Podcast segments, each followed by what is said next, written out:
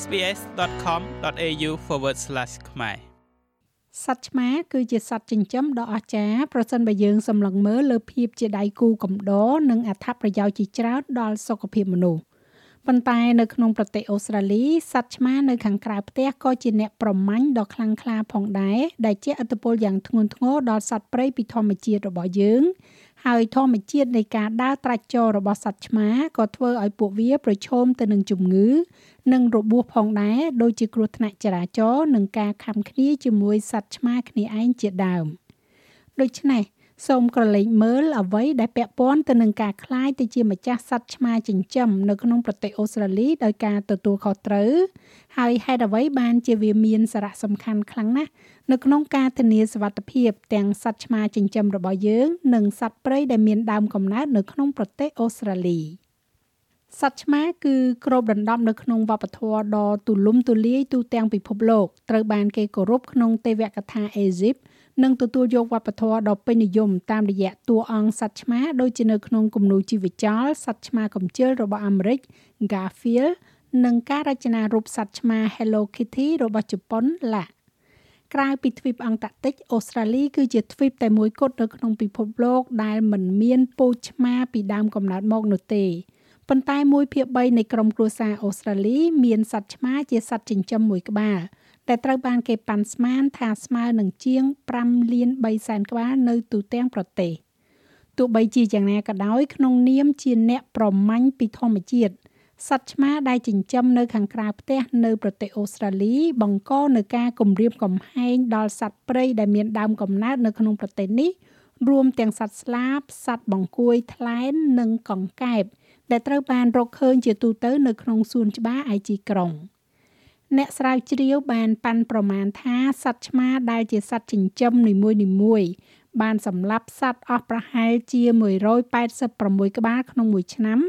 ដែលជារឿយៗម្ចាស់របស់វាមិនបានកត់សម្គាល់នោះទេ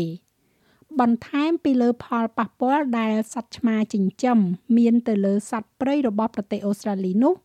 សត្វឆ្មាព្រៃរាប់លានក្បាលទៀតក៏ដើរពាសពេញប្រទេសអូស្ត្រាលីផងដែរលោកស្រី Sarah Lecky គឺជាសាស្ត្រាចារ្យផ្នែកអភិរក្សសត្វព្រៃនៅសាកលវិទ្យាល័យ Charles Darwin និងជាទីប្រឹក្សាជីវៈចម្រុះ លោកស្រីបានធ្វើការទៅលើបញ្ហាអភិរក្សសត្វនៅក្នុងប្រទេសអូស្ត្រាលីអស់រយៈពេល30ឆ្នាំកន្លងមកហើយរួមទាំងការសិក្សាពីផលប៉ះពាល់របស់សត្វឆ្មាមកលើសត្វព្រៃសាស្ត្រាចារ្យលេគីពន្យល់ពីភាពខុសគ្នារវាងសត្វឆ្មាចិញ្ចឹមនិងសត្វឆ្មាព្រៃ Everyone's familiar with pet cats which are owned and cared for. គ្រប់គ្នាធ្លាប់ស្គាល់សត្វឆ្មាដែលគេចិញ្ចឹមនិងមានម្ចាស់ប៉ុន្តែនៅប្រទេសអូស្ត្រាលីយើងក៏មានឆ្មាព្រៃដែរ ហើយទាំងនេះគឺជាឆ្មាដែលរស់នៅដោយមិនពឹងផ្អែកលើមនុស្សដូច្នេះសត្វឆ្មាព្រៃភាគច្រើននៅរស់ក្នុងព្រៃឆ្ងាយពីទីក្រុងប៉ុន្តែមានបណ្ដុំនៃឆ្មាទាំងនោះដែលរស់នៅក្នុងទីក្រុងនិងតំបន់ជាប់ទីក្រុង ហើយប្រភេទឆ្មាដ៏កាចសាហាវនោះជួនកាលគេហៅថាជាឆ្មាអនាថា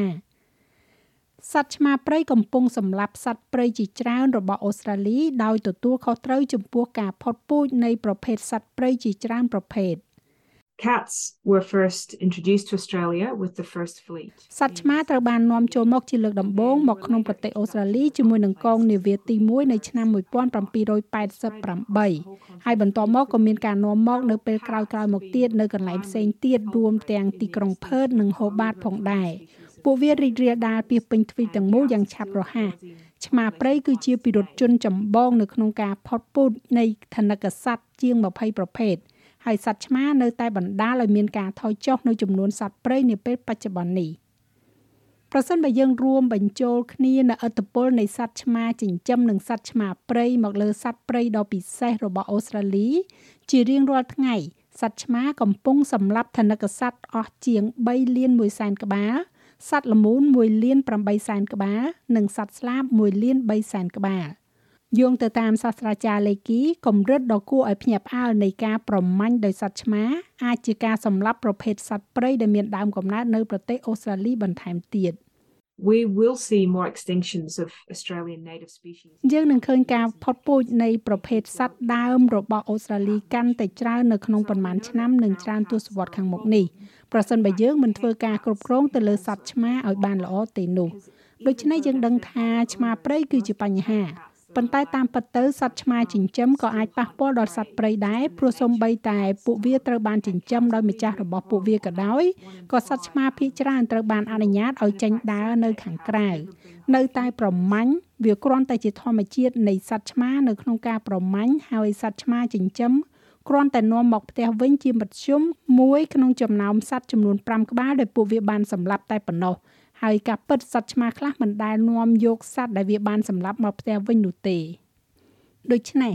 តើម្ចាស់ឆ្មាដែលមានទំនួលខុសត្រូវនៅក្នុងប្រទេសអូស្ត្រាលីពាក់ព័ន្ធនឹងអ្វីខ្លះសាស្ត្រាចារ្យលេគីនិយាយថាមានសកម្មភាពសំខាន់សំខាន់ជាច្រើនដែលម្ចាស់ឆ្មាគ្រប់រូបអាចធ្វើបានដើម្បីជួយរក្សាសត្វឆ្មាឲ្យមានសុវត្ថិភាពនិងសត្វព្រៃឲ្យមានសុវត្ថិភាពដូចគ្នាផងដែរ The best way to reduce the impacts of មធ្យោបាយដ៏ល្អបំផុតដើម្បីកាត់បន្ថយផលប៉ះពាល់នៃសត្វឆ្មាចិញ្ចឹមទៅលើសត្វព្រៃ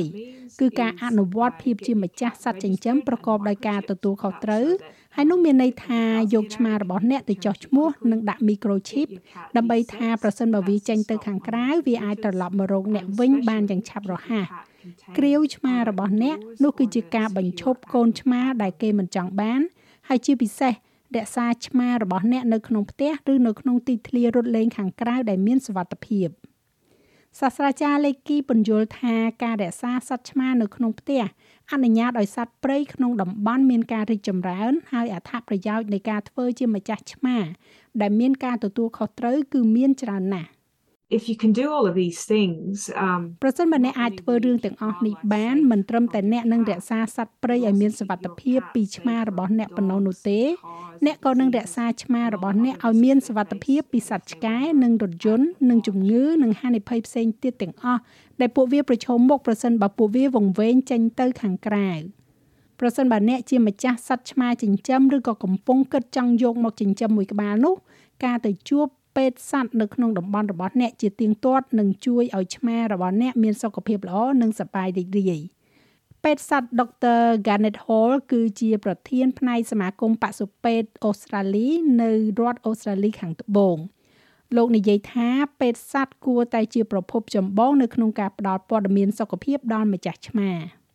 Make sure you find a vet to perform annual health ត្រូវប្រកាសថាអ្នកស្វែងរកពេទ្យសត្វដើម្បីធ្វើការពិនិត្យសុខភាពប្រចាំឆ្នាំនិងការចាក់ថ្នាំបង្ការនិងផែនការវិទ្យាសាស្ត្រដែលត្រូវការសម្រាប់សត្វចិញ្ចឹមរបស់អ្នកជីវវិទ្យាអាចស្មុគស្មាញហើយឆ្មាអាចទទួលរងពីជំងឺធ្មេញបញ្ហាតម្រងនោមបញ្ហាបេះដូងរលាកសន្លាក់ជំងឺស្បែកនិងជាច្រើនទៀតវាតែងតែជារឿងល្អបំផុតនៅក្នុងការដឹងនិងដោះស្រាយជំងឺទាំងនេះឲ្យបានឆាប់តាមដែលអាចធ្វើទៅបាន។ ហើយវិធីល្អបំផុតដើម្បីធ្វើវានោះគឺមានទំនាក់ទំនងល្អជាមួយនឹងពេទ្យសត្វក្នុងតំបន់របស់អ្នកដុកទ័រ Hall ពន្យល់ថាប្រសិនបើសត្វឆ្មាចិញ្ចឹមមួយក្បាលដើរលេងនៅខាងក្រៅសត្វឆ្មានោះអាចប្រឈមទៅនឹងហានិភ័យពីការខំគ្នាជាមួយឆ្មាដទៃទៀតការរងរបួសនិងជំងឺផ្សេងៗ Cats will often fight each other causing a lot of nasty សត្វឆ្មាខំគ្នាជាញឹកញយបណ្ដាលឲ្យមានរបួសយ៉ាងធ្ងន់ធ្ងរក៏ដូចជាងាយនឹងកើតជំងឺជាច្រើនដូចជា FIV និងរឿងផ្សេងផ្សេងទៀតដូចជាគ្រោះថ្នាក់យានយន្តជាដើមឆ្មានិងសត្វព្រៃមិនមែនជាការរួមបញ្ចូលគ្នាដ៏ល្អនោះទេឆ្មាគឺជាឃាតករដែលកើតពីធម្មជាតិហើយយើងឃើញវាឆ្លុះបញ្ចាំងនៅក្នុងអេរយាប័តលេងសើចរបស់ពួកវាពួកវាចូលចិត្តដេញវាយនិងខំ ហើយនៅក្នុងបរិយាកាសខាងក្រៅផ្ទះអាកប្បកិរិយាទាំងនេះបានប្រែក្លាយទៅជាការប្រមាញ់ដ៏មានប្រសិទ្ធភាព និងសម្លាប់សត្វដទៃបានយ៉ាងឆាប់រហ័សហើយអាហាររបស់ពួកវានឹងក្លាយទៅជាសត្វស្លាបជីងចក់កង្កែបនិងសត្វព្រៃដទៃទៀតនេះហើយជាមូលហេតុដែលការរក្សាសត្វឆ្មាចិញ្ចឹមរបស់អ្នកនៅខាងក្នុងផ្ទះគឺជារឿងសំខាន់ហើយក្រៅពីធ្វើជាដៃគូដ៏ល្អ វិជ្ជបណ្ឌិត Hall និយាយថាវាគឺជារឿងសំខាន់នៅក្នុងការចាត់ទុកសត្វឆ្មាចិញ្ចឹមរបស់អ្នកជាផ្នែកមួយនៃគ្រួសារអ្នក Think of a pet cat as part of your family. សូមគិតអំពីសត្វឆ្មាចិញ្ចឹមថាជាផ្នែកមួយនៃគ្រួសាររបស់អ្នកដោយពួកយើងដែរពួកគេត្រូវការបរិយាកាសនៅក្នុងផ្ទះប្រកបដោយសុវត្ថិភាពអាហារដែលមានសុខភាពល្អទៀងទាត់ការថែទាំសុខភាពល្អដែលរួមមានការចាក់វ៉ាក់សាំងនិងការគ្រប់គ្រងប៉ារ៉ាស៊ីតការជំរុញផ្លូវចិត្តនិងក្តីស្រឡាញ់ជាច្រើន។